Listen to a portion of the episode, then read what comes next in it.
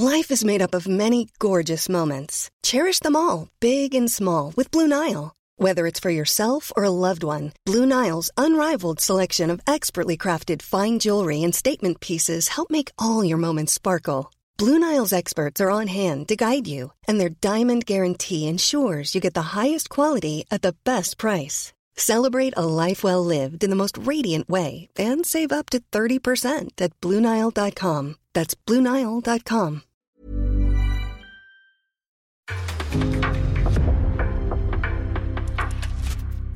En podcast från Aftonbladet.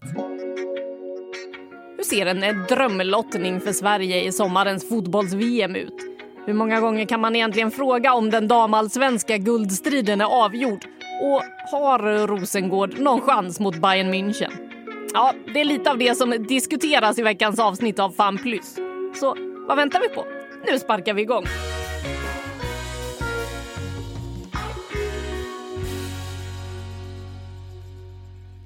Men varmt välkomna in i eh, studion efter eh, än en gång lite teknikstrul så här inledningsvis så är vi äntligen igång. Jag som står i studion heter Anna Rydén och med mig har jag som vanligt eh, Per Lagerström och Saga Fredriksson, experter på Viaplay. Saga, hur är läget med dig? Det är kalasbra. Det är tisdag. Fick jag tänka lite nu, men ja, men det är tisdag och jag har som vanligt koll på läget så det, nej, men det är bra med mig. Ja, det där är faktiskt en av de svårare frågorna varje dag i veckan. Eh, vad är det egentligen för dag? Eh, det är det första jag skriver upp när jag ska kommentera också på ett papper högst upp i hörnet så att man ska veta det om man kommer på att man behöver säga det i sändning. Lite så dagvill blir man när det inte finns tydliga helger och annat i ens liv. Per, hur är läget med dig? Jag är också strålande. Tycker att det är fotbollsväder, det är regn och fantastiskt bra för glidtacklingar. Så man blir ju laddad för att få spela lite fotboll också faktiskt. Ja, det är ju den tiden på året. Mm, det är det. Men eh, vi eh, har ju en massa att prata om som vanligt, eh, så att vi ger väl oss in på snabbfrågorna direkt till att börja med. Och den första frågan är ju vad har förvånat er mest i veckan? Du får börja Per. Att Kristianstad får lite guldfrossa, eller guldfrossa från Rosengård är ryckt, men att de förlorar mot Örebro. De har ju ändå Rosengård i nästa match och ha det forwardsparet och sett så stabila ut. Nej, det var lite oväntat. Eller mycket oväntat för mig. Är du också förvånad över det Saga? Ja, men alltså givetvis. Det är, det är grymt förvånande. Jag har så svårt att, att förstå vad som hände där. Uh, men det får väl bli en, lång intervju med Beta och se vad hon tycker om saken. Men uh, det är för ett annat tillfälle i alla fall. Men uh, det förvånar mig och sen får jag väl ändå säga också att AIKs prestation mot Hammarby förvånade på ett positivt sätt. Eh, jag var faktiskt väldigt imponerad eh, över hur man lyckas ta fram en annan nivå i sitt spel. Mm, det hjälpte ju dock inte i hela vägen riktigt. Det blev 1-0 till Hammarby där och vi ska givetvis in och snacka bottenstriden och så även eh, toppstriden om en liten stund. Men veckans snyggaste då, vad var det? Alltså jag hade lite olika kandidater. Jag brukar prata mål när det kommer till snyggaste. Um, och så plocka ihop lite olika, men om jag inte ska ta alla så att inte Per har någonting att säga så, uh, så, så, kommer jag att uh, välja Anna Anvegårds um, mål mot Kalmar. Alltså hela framspelningen är, är snygg och det är liksom tekniskt behärskat rakt igenom, men, men också avslutet. Det, jag tycker det är så viktigt att hon får lite självförtroende och um, hela det momentet där hon bara för bollen åt sidan och sen curlar den i bortre är, är grymt snyggt och, och, svårt att genomföra. Så jag tycker att det var det, var det snyggaste. Och sen kommer jag slänga in Nej, jag ska inte säga det. Jag tror att Per får ta en nu. det är snällt av dig ändå att bolla vidare den. Vi får se om Per tar det du tänker på. Per, vad, vad har du? Jag ska vara snäll också. Ska spara lite på den då på Saga. För jag, jag tycker, vi har nämnt henne förut, men det är liksom både snyggt i utförande och i viktighet tycker jag Sofie Bredgårds vänsterfot igen. När hon, man nästan ser nu vilket självförtroende hon har. Hon behöver bara få bollen där och det enda hon letar efter är att lägga den till rätta och sen så sitter den helt otagbart i bort, bortre hörnet. Det är vackert i både utförande och viktighet. Mm, enig med den. Och då slänger jag också in Olivia Holm, långskott utifrån, vilket pangmål det är och sen Goris frisparksmål är briljant. Det, det är så bra kvalitet på alla de här målen så det, det är väldigt roligt att se hur, vilka kliv eh, den här ligan har tagit och kvaliteten i, i avsluten som finns. Det, det är riktigt eh, nice faktiskt. Mm, vi... Ja, jag sparade. Man fick ju faktiskt se det live så att jag tänkte att du skulle få säga det, ja, Saga. Tack Schysst. Ja, och jag fick ju äran att se Olivia Holms mål live så att eh, det där kommer vi också komma tillbaka till. Eh, Umeå tog ju tre väldigt viktiga poäng i bottenstriden den här veckan, men veckans fulaste dag, hur definierar du det den här veckan Per? Ja, nu var, nu var jag inte bäst på plats där, men jag har varit där många gånger och, och, och Piteå borta i oktober med det vädret. Det var fruktansvärt fult väder när Piteå mötte Linköping som förstörde lite av matchen tyckte jag när jag tittade på den. Ja, det där vädret uppe i Norrland, det kan man inte räkna med i oktober. Eh, nej, usch. Det uppskattar vi inte. Eh, vi ska ge oss blicka ut i Europa och veckans svenska då. Vem har varit veckans svenska i Europa? Alltså för mig så tycker jag att eh, om man hamnar på listan av de 20 bästa spelarna i världen, Fridolina Rolfö, Ballon d'Or, så tycker jag att det är, det är faktiskt veckans svenska i Europa. Sen eh, kommer, kommer hon inte kanske lika högt som, som eh, vi hade hoppats eller förväntat, men, det, men samtidigt tycker jag det är en, det är en jätteprestigefyllt och någonting hon ska vara otroligt stolt över. Eh, det är en ganska mäktig lista, om man inte har sett den så kan man gå in och kika på den. Eh, så det tycker jag förtjänar veckans svenska, eh, om vi inte tittar på att Amanda Nildén också gjorde två mål och fortsätter göra mål på det sättet hon gör. Men Fridolina Rolfö får min veckans svenska i Europa. Mm, du tryckte ändå in Amanda Nildén lite snyggt där. Jag var tvungen ju, jag var ju tvungen, vad ska jag göra liksom? Det, det är så här, man måste ändå highlighta det faktum att hon går och gör mål gång på gång på gång och gör bra prestationer i landslaget. Men för mig så är det ju liksom inte samma kategori som att vinna, eller komma på listan av Ballon d'Or. Eh, så att eh, den får egentligen stå själv. Men jag var tvungen att säga Nildén också för att det var ju ändå liksom fotbollen där. Ja, jag, jag gillar hur du tänker. Per, vad vill du putta in i den här kategorin? 19 mm, plats, plats kom Rolfö på, men det, ja. det är hon värd, jag håller med. Det, det, det, är otroligt imponerande och är väldigt, väldigt kul för svensk fotboll att vi har någon där. Eh, får väl ändå säga då, ändå Stina Blackstenius eh, som återigen gör mål och gör det matchavgörande 1-0, gör att Arsenal har en riktigt bra inledning i år. Så att eh, det är viktigt för både henne, Arsenal och svenska landslaget att hennes målform håller i sig. Mm, jag hade både Blackstenius och Nildén på listan eh, här och eh, Blackstenius det var ju skönt för henne att det där målet satt för hon fick ju ett jätteläge direkt i början också mot eh, den gamla Häcken-målvakten Jackie Burns som ju fick göra sin första match från start i Reading i den där matchen. Så att ja, matchavgörande för Blackstenius och Arsenal är ju nu i topp i den där tabellen tillsammans med United och också Chelsea. Men Chelsea har ju en match mer spelad där ska vi väl säga med det så stänger vi Europa för det här avsnittet. Eller ja, vi ska ut i Champions League såklart också, men eh, ligaspelet. Och så ska vi blicka tillbaka till Sverige. Vi ska fokusera på damallsvenskan och vi börjar med toppen. För eh, efter den här helgen så, ja, jag, jag vet inte hur många veckor i rad jag har ställt frågan, men hörni, är det avgjort nu eller eh, kommer Linköping kunna utmana Rosengård? Vad tror ni?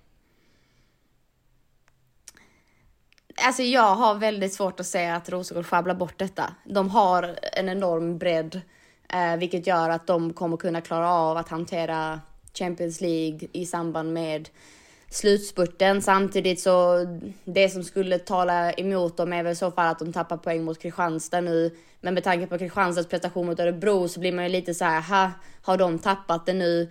Eh, orkar de inte hela vägen? Men för mig, som sagt, jag har väldigt svårt att säga att Rosengård inte eh, löser detta. Eh, och eh, ja, jag, jag, tror verkligen inte att Linköping kommer kunna eh, rå på dem, även om de har eh, gjort bra prestationer liksom i år. Är du inne på något där att Kristianstad kanske sjabblade bort det lite nu mot eh, KIF Örebro? Just det där att kunna utmana Rosengård i guldstriden. För hade man dessutom då plockat poäng till helgen så hade det ju kunnat bli väldigt intressant där för Kristianstads del. Men faktum är ju nu att Kristianstad måste ju ta poäng för nu ligger de på en fjärde plats. De ska, vill ju åtminstone ut i Champions League. De pratar ju om en andra plats i alla fall för att inte hamna på den här tredje platsen och det jobbiga minigruppspel som de har hamnat i för att försöka ta sig ut i Europa framöver. Så att, ja, kan det inte vara så att de får lite extra drivkraft in i matchen mot Rosengård till helgen i och med förlusten? Gud, alltså så är det ju såklart. Alltså, Eh, också den matchen är alltid en tajt och spännande match mellan Kristianstad och Rosengård. Så att på det sättet, jag tror inte att de kommer lägga sig där platt och tänka att äh, men det här är kört, utan tvärtom så blir det en jättespännande match att följa. Men med det sagt så tror jag ändå inte att Rosengård kommer tappa så pass mycket att Linköping går om. Däremot så att de skulle kunna tappa poäng, det kan de ju absolut göra. Men eh, för mig så som sagt har jag svårt att se att de skulle eh, tappa guldet eh, nu i slutskedet. Mm, de har ju Djurgården och BP kvar efter det också om man ser till Rosengårds spelschema. Vad tror du Per om eh, läget i toppen? Jag tror guldet är avgjort som vi är inne på.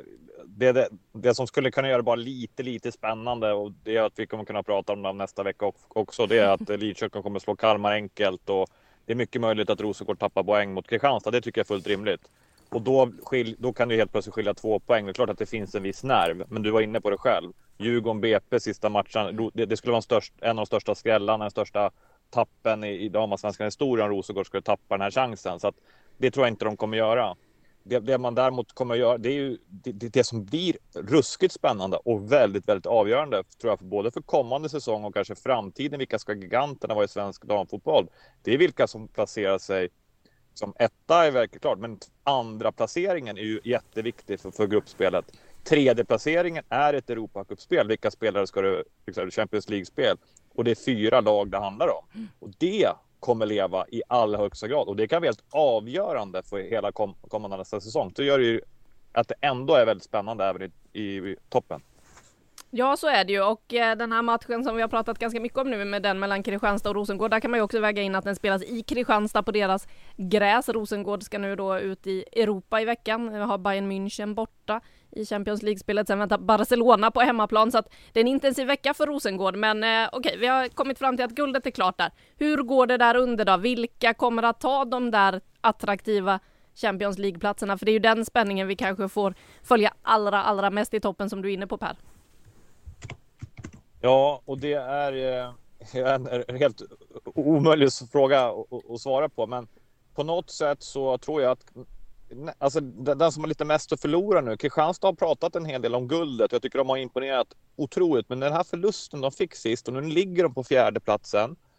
De har Rosengård i nästa och helst ska de ju bara få tre poäng där. Då, och då kan, kan det bli så att man har liksom spänt bågen så högt och det enda det handlar om är guldet. Att risken blir att det blir en fjärde plats.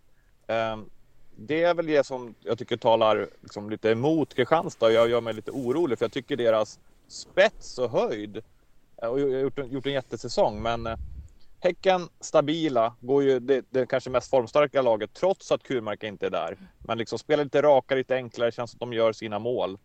Linköping, jag tror att det handlar om Linköping eller Kristianstad som kanske tappar det, för Lin, de möts ju också.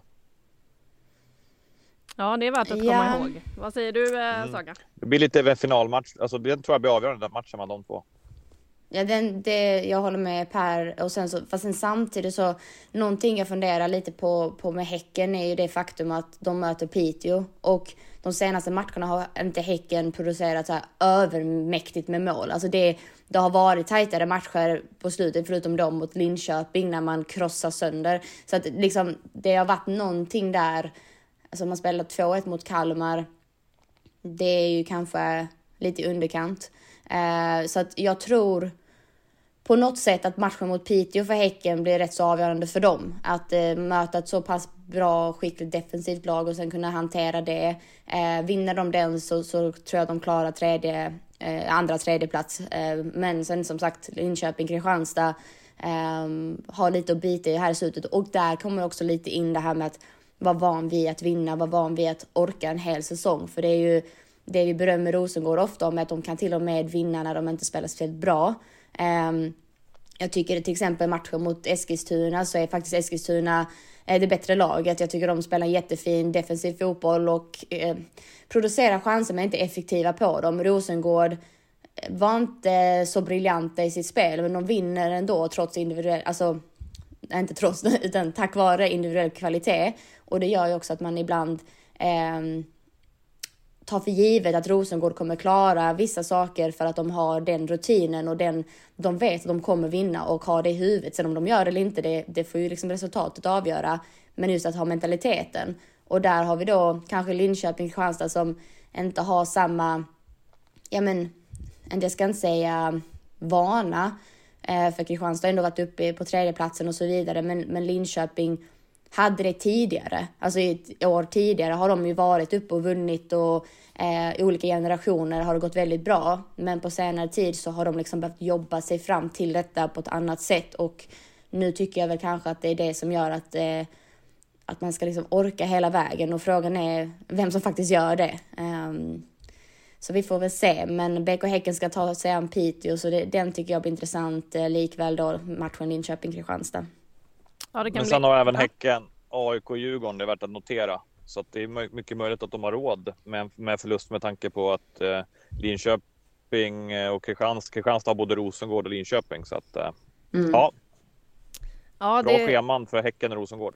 Det får man mm. säga och eh, för Häckens del kan det bli en väldigt eh, rolig söndag på hissingen. Det är ju så att deras herrar spelar efter. Man gör ett, en dubbeldag där med damernas match mot eh, Piteå först och sen efter, följs den då av Häcken Malmö FF i herrallsvenskan där de ju har ett lag som också som då jagar guldet på herrsidan. Vi får väl se hur det går med det där, men det kan nog bli bra stämning på hissingen på söndag. Det om resultaten går med vill säga. Med det så lämnar vi väl toppstriden då och så tittar vi ner i tabellen, ner i botten där det ju faktiskt hände en del den här omgången. Eh, Saga, du var inne på att AIK gjorde en väldigt fin insats mot Hammarby. Man stod upp bra.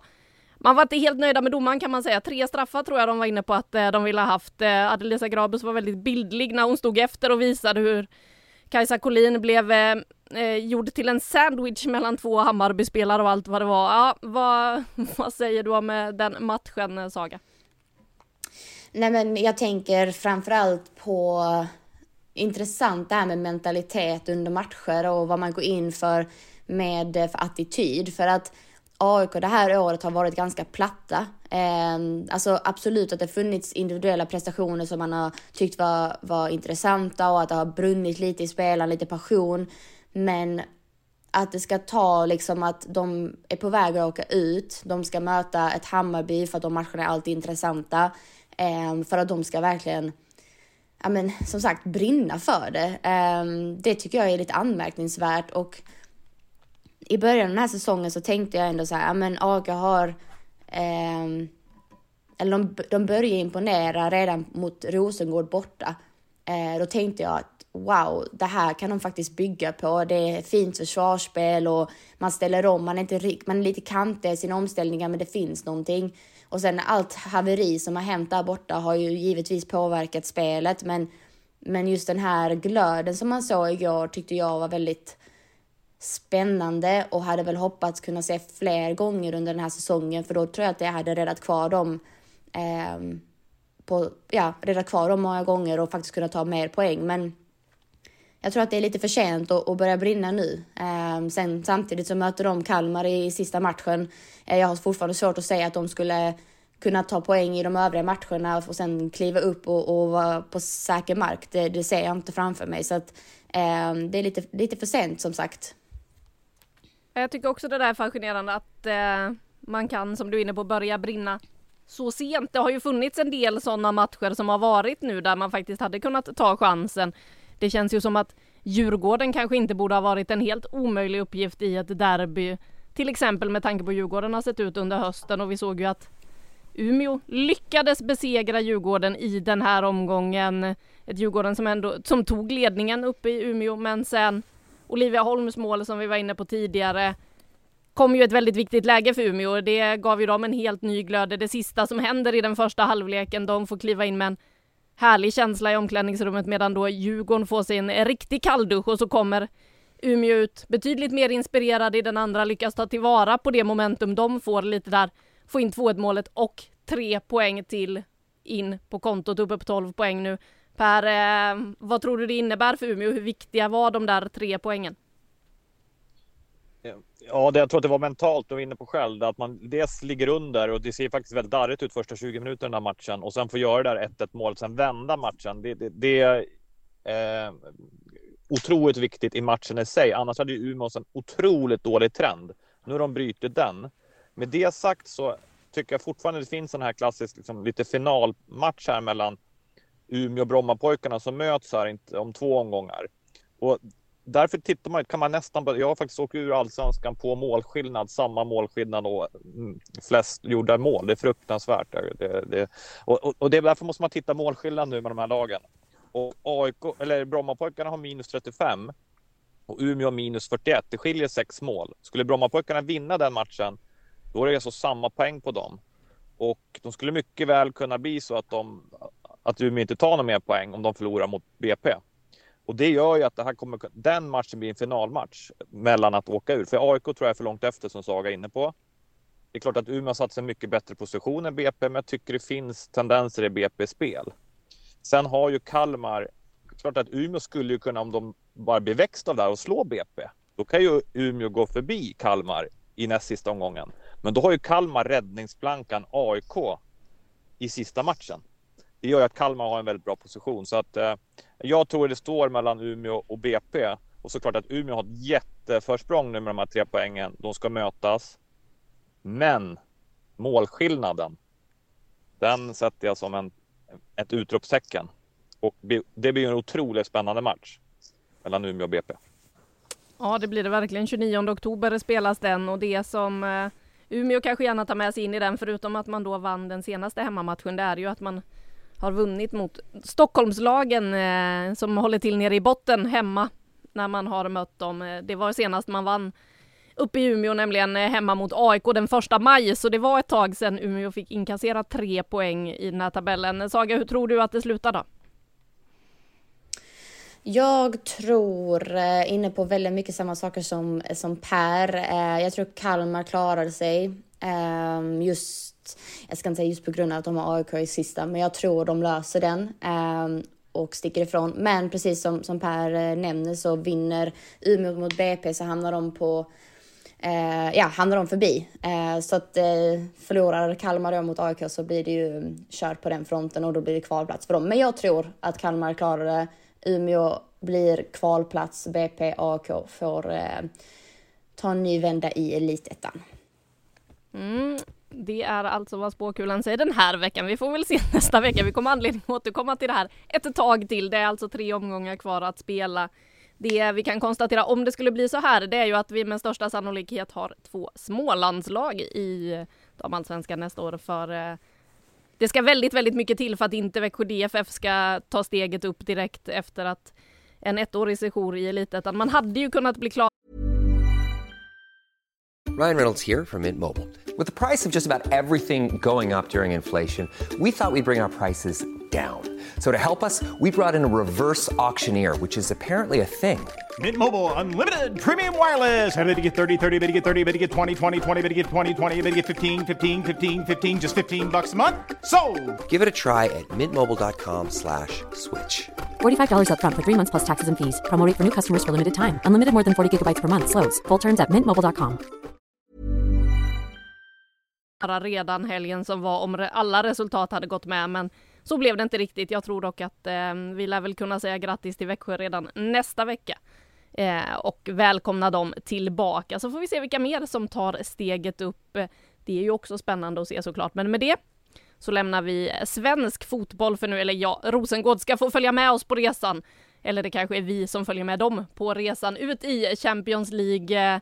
Det drar ju igång med gruppspelet den här veckan och om vi börjar då med Rosengård som har en tuff bortamatch i första matchen. Det är Bayern München som väntar på onsdag och ja, vad tror ni om den Saga? Du eh, såg ju Bayern München så sent som i helgen. Vad är det som väntar eh, Rosengård? Ett ruggigt bra lag kan jag säga. Um, det här är hur ska jag förklara på bästa sätt? Um, om man tar spelare för spelare så är Bayern München uh, Eh, ett par kliv över eh, Rosengård som lag är de också det.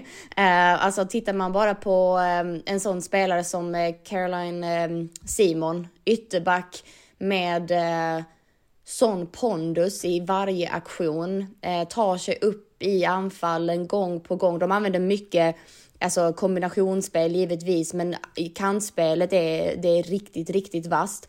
Tittar man på kvaliteten i, i Carolines eh, Simon eh, inlägg så är det eh, på en helt ny nivå. Hon har liksom en, en förmåga att lite välja. Alltså ni vet när man ser en spelare som, som eh, hon skickar inte in bollen på, på chans utan hon gör det med väldig precision och genomtänkt för hon har tittat upp. Alltså det är Caroline Simon. Så att för mig är det eh, bara titta på liksom backlinjen där. Men sen ska vi ju lägga till Bayern brukar spela 4-2-3-1 och då har de liksom de offensiva krafterna sån som, som Dalman på högerkanten, otroligt teknisk.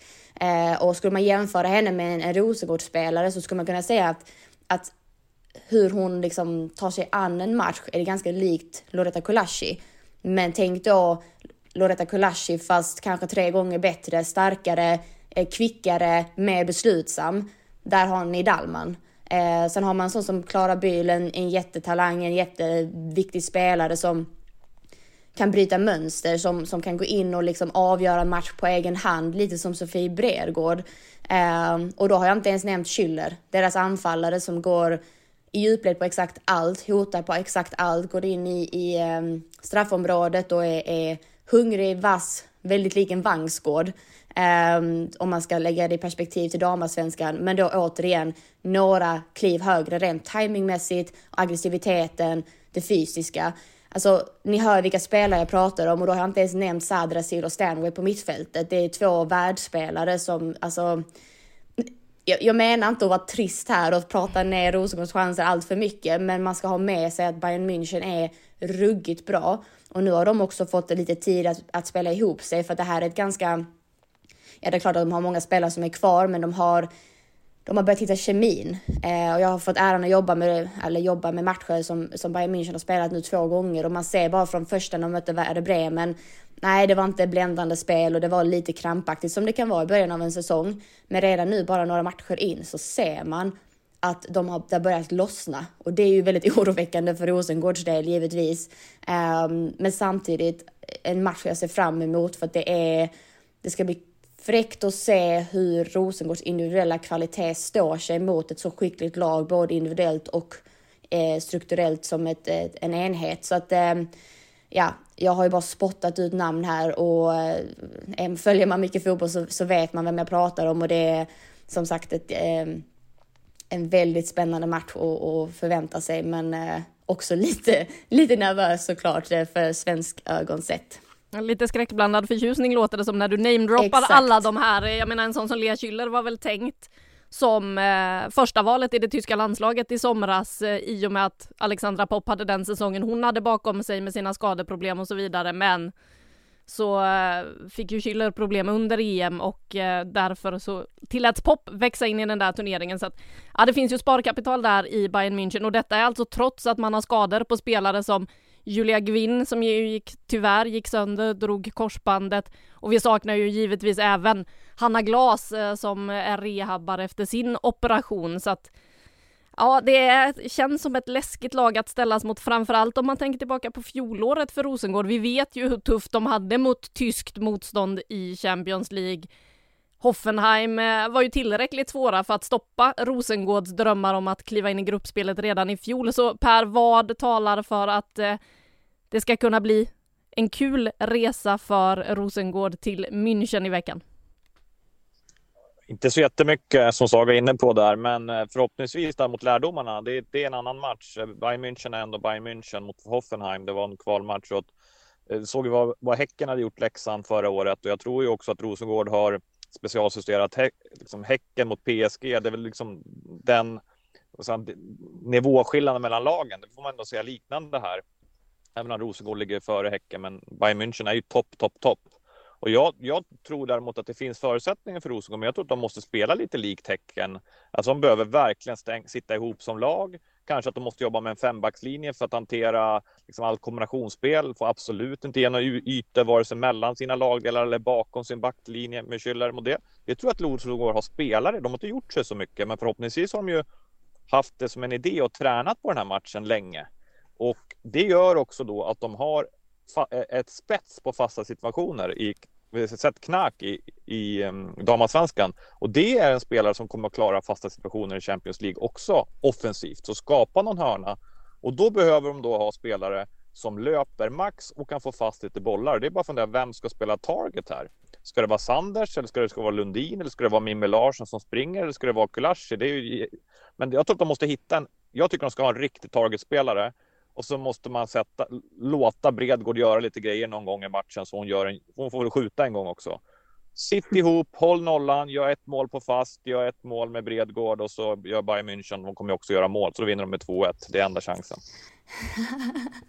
jag tycker faktiskt det är, det är en väldigt eh, bra poäng det här med eh, att eh, Sanders eh, som eh, target kan vara väldigt aktuellt i en sån här match för att man måste vara lite rakare och man måste få fast bollar.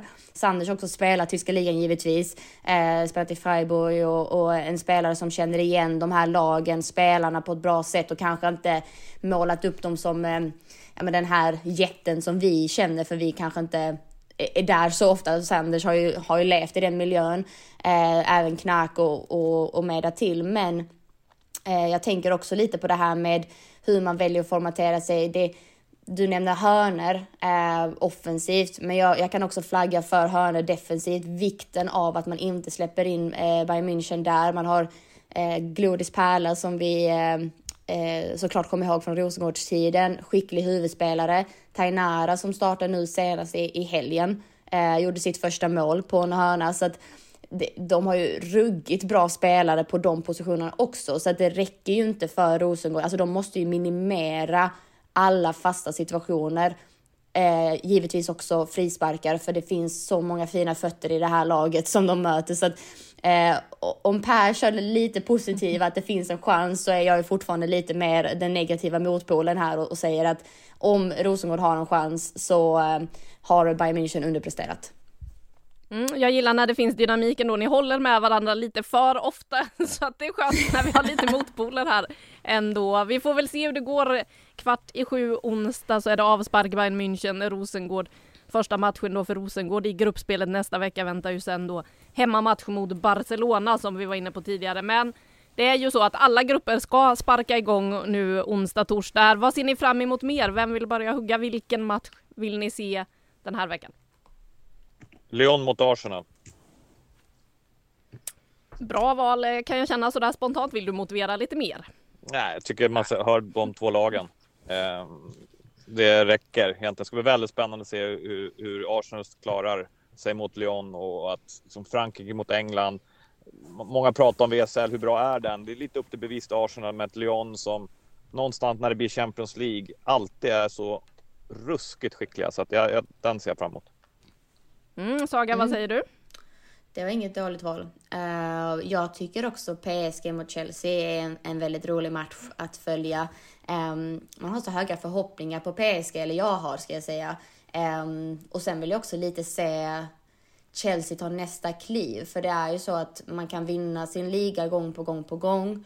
Men någonstans så vet vi om att de också, de har själva sagt att nästa steg är ju att ta sig längre i Champions League och, och, ehm, och faktiskt vinna den. Eh, så att jag är ju lite sugen på att se om det faktiskt är eh, nu de kommer göra det. Ehm, tror jag det?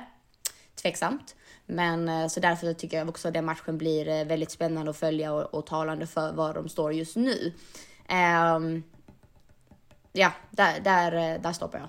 Ja, jag känner också att den där PSG-Chelsea kommer bli väldigt intressant. För som du är inne på, det var ju två år sedan Chelsea var i Champions League-final och fick ett ganska brutalt uppvaknande i den där finalen mot Barcelona, den som ju spelades i Göteborg.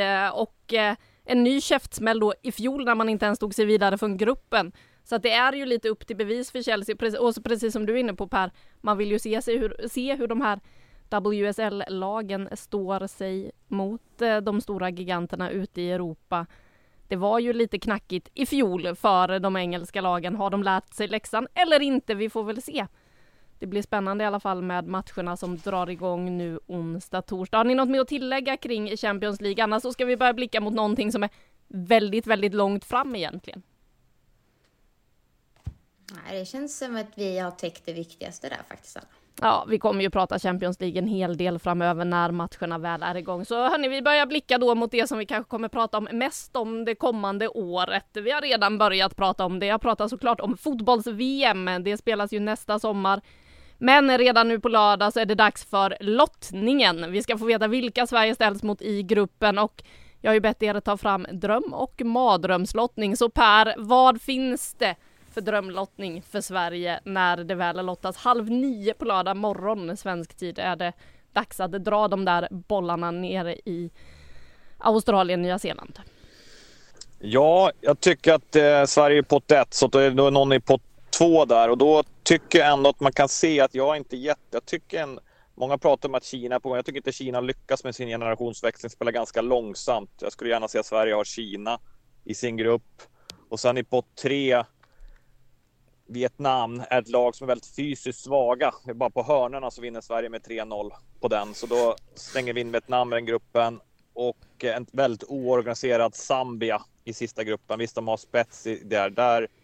Oj, vilken grupp det blir åka av det.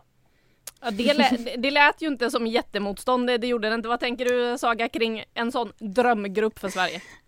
Nej, men det är ju väldigt svårt att argumentera mot Per när han eh, redan har prediktat 3-0 mot eh, var Vietnam så såklart. Och det var väl ehm, bara på hörnor va? Det var bara på hörnor, ja, ja precis. Uh, nej men absolut, jag tror att, att uh, det är alltid lite svårt när det kommer till de här lagen som inte Sverige möter så frekvent. Um, det känns som att det absolut, man kan, man kan prata fysik och man kan prata spelstilar och sådär, men det, det är någonting väldigt, hur ska man säga, jag tänkte säga obehagligt, men det är helt fel ord jag letar efter. Jag ska tänka ut ett bättre. Um, det skapar en viss oro när man inte är van vid ett motstånd för att man, man målar upp ett scenario utifrån det man hör från tränare. Man kanske målar upp det från eh, ja, men, eh, någon lagkamrat som man känner till i det landslaget och så vidare. Så med det sagt så, så jag ska inte säga att man, man vill ha ett Spanien i sin grupp, men fördelen med att man nu har spelat mot Spanien gör att jag tror att många av de här demonerna som, som spelarna kanske eh, har gått och burit lite har suddats ut. För att ja, vi spelade 1-1 mot Spanien. Var det vår bästa prestation? Absolut inte. Så för mig så tror jag snarare att Sverige har så mycket mer att ge mot ett Spanien och nu har man också fått känna på det. Man har fått känna på tempo och ja, det var B-inspirerat, men samtidigt mycket väl så att vi får se ungefär samma Spanien i ett VM eh, med kanske lite fler spelare som kommer tillbaka och så vidare. Det kan vi ju inte eh, riktigt förutspå. Men min känsla är att vi har betydligt mycket mer att ge eh, om vi gör ett bra defensivt arbete och sen använder lite mer omställningsspelet och, och vågar våga tro på det som är vår identitet så, så ser jag ju att vi kan göra bättre prestationer mot ett sånt som Spanien. Eh, och som sagt, det är inte det lätta motståndet, det är inte det jag sitter och säger. Men ibland tycker jag det är värt att tänka på att man faktiskt, det här igenkänningen, muskelminnet, att det faktiskt spelar roll för spelare. Det är inte bara att möta Kina och sen så, ja men de kanske är så här, ja men har man aldrig spelat med dem så blir det ju också överraskningsmoment hela tiden som, ja, eh, kan påverka matchbilden och, och det utifrån ett spelarperspektiv som, som jag själv då upplevt så tycker jag att det är, är värt att ha med i beräkning. Ja, det där med välkända motstånd. Det finns ju en hel del i de här olika grupperna och det är ju så att Sverige kan åka på riktiga mardrömslotter också. Per, vad skulle du säga är en mardrömsgrupp för eh, Sverige om man ser till den här eh, lottningen? Ja, men jag jag kan nästan inte välja mellan Spanien och Brasilien. För jag, jag är livrädd för Spanien. Det är för att jag aldrig vunnit mot dem i någon landskamp någon gång i något ungdomslandslag. Och jag tycker inte det passar Sverige. Men däremot måste jag också flagga för Brasilien som har gjort, lyckats med sin generationsväxling. Har svenska förbundskaptener och har en enormt spännande generation. De har potential att vinna mot alla, alla lag, inklusive Sverige. Sen om de är redo vet vi inte. Sverige lyckas ju vinna sen. Men de, de, någon av dem vill absolut inte ha. Och sen har vi även Colombia som jag tycker jag såg i, i eh, Sydamerikanska mästerskapet, ett skickligt lag i pott 3. Den, de har spets i några spelare. Och sen i pott 4, eh, Nigeria som har en, liksom både en fysik som står mot mot Sverige och en individuell, in, liksom individuella spelare. Så na, de får allting att stämma. Sverige hade ett tufft möte mot Nigeria i VM för ett antal år sedan när Sundhagen som var förbundskapten, man hade jättejobbigt i det VM, när ett stort misslyckat VM. Då var Nigeria i gruppen och ställde till det för Sverige en hel del. Så att där är min mardrömsgrupp. Mm, den där matchen mot Nigeria minns jag otroligt väl. Det var väl VM i Kanada 2015, öppningsmatch eh, till och med för Sveriges del. Det pratades om rödbetsjuice och kramp och allt vad det var efter den där eh, matchen. Ett VM som inte Ja, det var blev... fruktansvärd.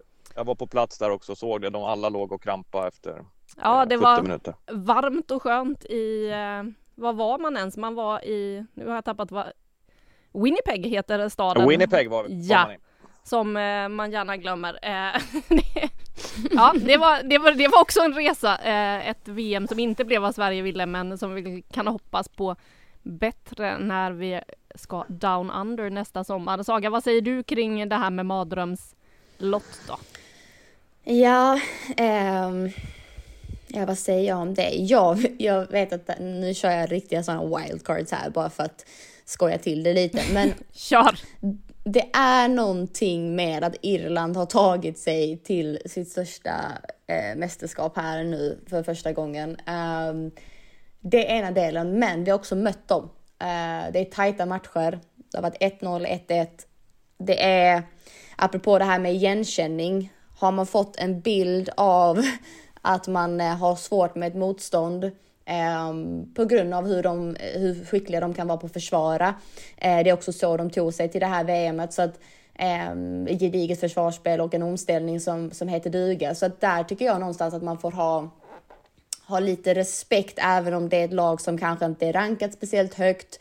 Ehm, så att när det kommer till så här mardrömslottning hit, jag, tyck, jag tyckte faktiskt Gerhardsson, eh, han gjorde en intervju eh, för oss igår i, i vår sändning eh, på Viaplay och då, då tyckte jag att han sa det väldigt bra för att det är ju nummer ett, det här med att ta ut ett lag, att det är ju relevant när man vet motståndet. För det handlar ju inte bara om att alltså här, Sverige som lag ska kunna prestera på ett visst sätt. Det handlar ju också om att vissa spelare ska kunna slå ut spets i motståndarlaget.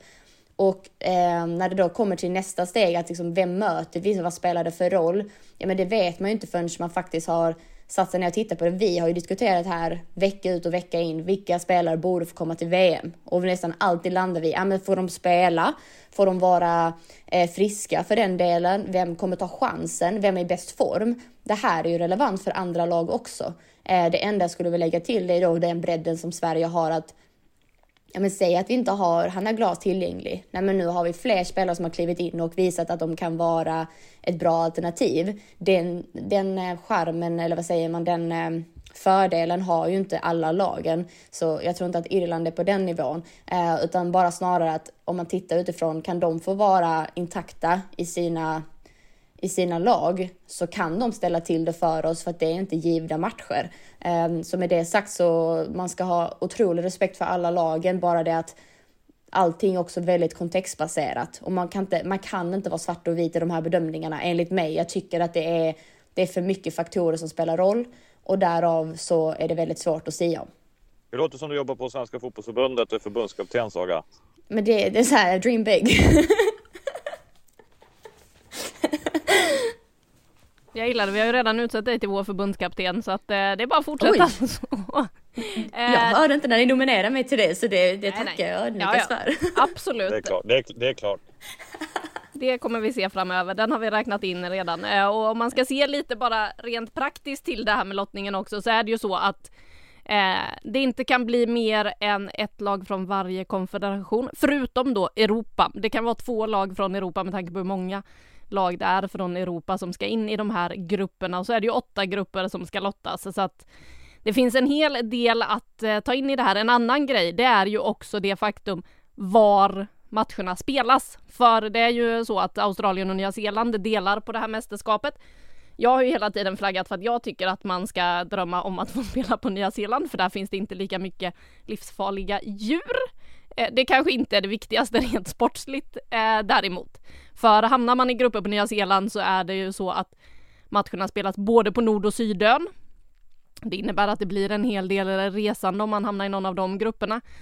Och sen hamnar man då i Australien så finns det ju ett ställe som sticker ut, nämligen Perth. Där vill man inte hamna. Det blir långa, långa resor för att ta sig upp till Perth. Så att eh, ska man titta lite på vilken grupp man vill hamna i så när jag tittar på det här matchschemat så känns det som att F eller H vill Sverige hamna i, för eftersom man är i sidningspott 1 så kommer man bli garanterad det som står en etta efter, för det finns ju redan ett långt sånt här matchschema uppsatt. Och som F1 då så kommer man få spela matcherna i två matcher i Sydney och en i Brisbane och skulle man hamna i grupp H så tittar vi här, då får man spela i Melbourne, Sydney och Brisbane. Det känns som ändå relativt behagliga resor. Det blir inte allt för mycket stök med att man ska ta sig runt eh, över en halv kontinent i princip för att eh, Australien är inte direkt litet och är det någonting spelarna pratar ofta om så är det ju det här med återhämtning så att man ska hålla lite tummarna för grupp F eller H om jag eh, och mitt reseöga här har sett rätt i planeringen i det färgglada schemat som det dessutom är på Fifa. Men eh, Ja, vad tror du? kolla Anna. Ja, ja. Det är jättebra. Och, och, när vi väl vet så kanske man också, jag tittar på det här, du säger det är stort, det är ju så många olika tidszoner. Mm. För kanske för lyssnare och svenska tittare kan man fundera på vilka tid matchen är. Man får, men det kan vi väl reda ut när vi vet grupperna. Sånt, eh, de har så många olika tidszoner i Australien. När börjar matchen i Sverige? Ja, det är ju faktiskt en väldigt viktig grej för alla som ska följa det här mästerskapet att veta. Men vi kommer ju givetvis veta mycket mer redan nästa vecka när den här lottningen är genomförd. En lottning som man kan se på Viaplay och eh, som vi givetvis kommer att prata en hel del om under veckan som kommer eh, när vi har fått gruppen nästa vecka. Med det hörni så närmar vi oss slutet av dagens program. Vi har en grej kvar och det är ju som vanligt att dela ut fem plus. Har ni några fem plus att dela ut den här veckan eller eh, ska jag slänga ut vad jag har? Det ska du få göra tycker jag. Då ger jag fem plus till eh, Madeleine Janogy och alla spelare som eh, öppet vågar prata om hur tufft livet kan vara som fotbollsspelare, att visa de där mörka sidorna, att våga berätta om hur det har varit som utlandsproffs. Vi vet ju alla vad som hände med Madeleine Janogy när eh, hon bröt sitt kontrakt 2020 med Wolfsburg och valde att flytta hem efter att ha berättat då om psykisk ohälsa. Vi hade en eh, lång intervju med henne här så sent som igår när vi nu då spelar in det här där hon berättar om vägen tillbaka och eh, jag tycker att eh, alla spelare som vågar berätta för att inspirera andra förtjänar 5 plus och den här veckan då en spelare som Madeleine Janogy. Jag kommer aldrig göra något som inte känns rätt i magen. Nej. Aldrig igen. Gjorde det inte det med Wolfsburg eller från början? Nej. Nej. Det gjorde det inte. Gjorde jag det för min skull? Nej. Jag gjorde det för att folk sa att jag skulle göra det. Mm. Att det var det bästa för mig. Utan att de visste vem, vad, vad som var det bästa för mig egentligen. Så det, ja. har man lärt sig. Det var mina fem plus den här veckan. Mycket bra. Bra Anna. Väldigt, väldigt bra fem plus tycker jag. Det är fint. Och hörni, med det så är vi klara för den här veckan. Vi eh, ska ta och andas en liten stund men eh, nästa vecka kommer vi ha otroligt mycket att prata om som vanligt. Så vila stämbanden, vi hörs väl i sändningar och liknande innan vi hörs i podd igen nästa vecka. Tack så hemskt mycket Saga! Tackar, tackar! Och tack Per för att du stannade bilen och var med oss eh, här en sväng. Det var lika trevligt som vanligt. Härligt! Och så säger vi stort tack till vår producent eh, Julia Karlsson som har fått börja dagen med att slita sitt hår som vanligt när vi har lite teknikhaveri med den här podden. Men det största tacket av alla, det går som vanligt till er som lyssnar. Jag hoppas att vi hörs igen nästa vecka.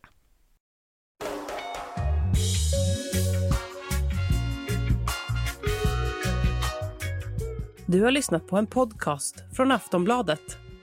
Ansvarig utgivare är Lena K Samuelsson.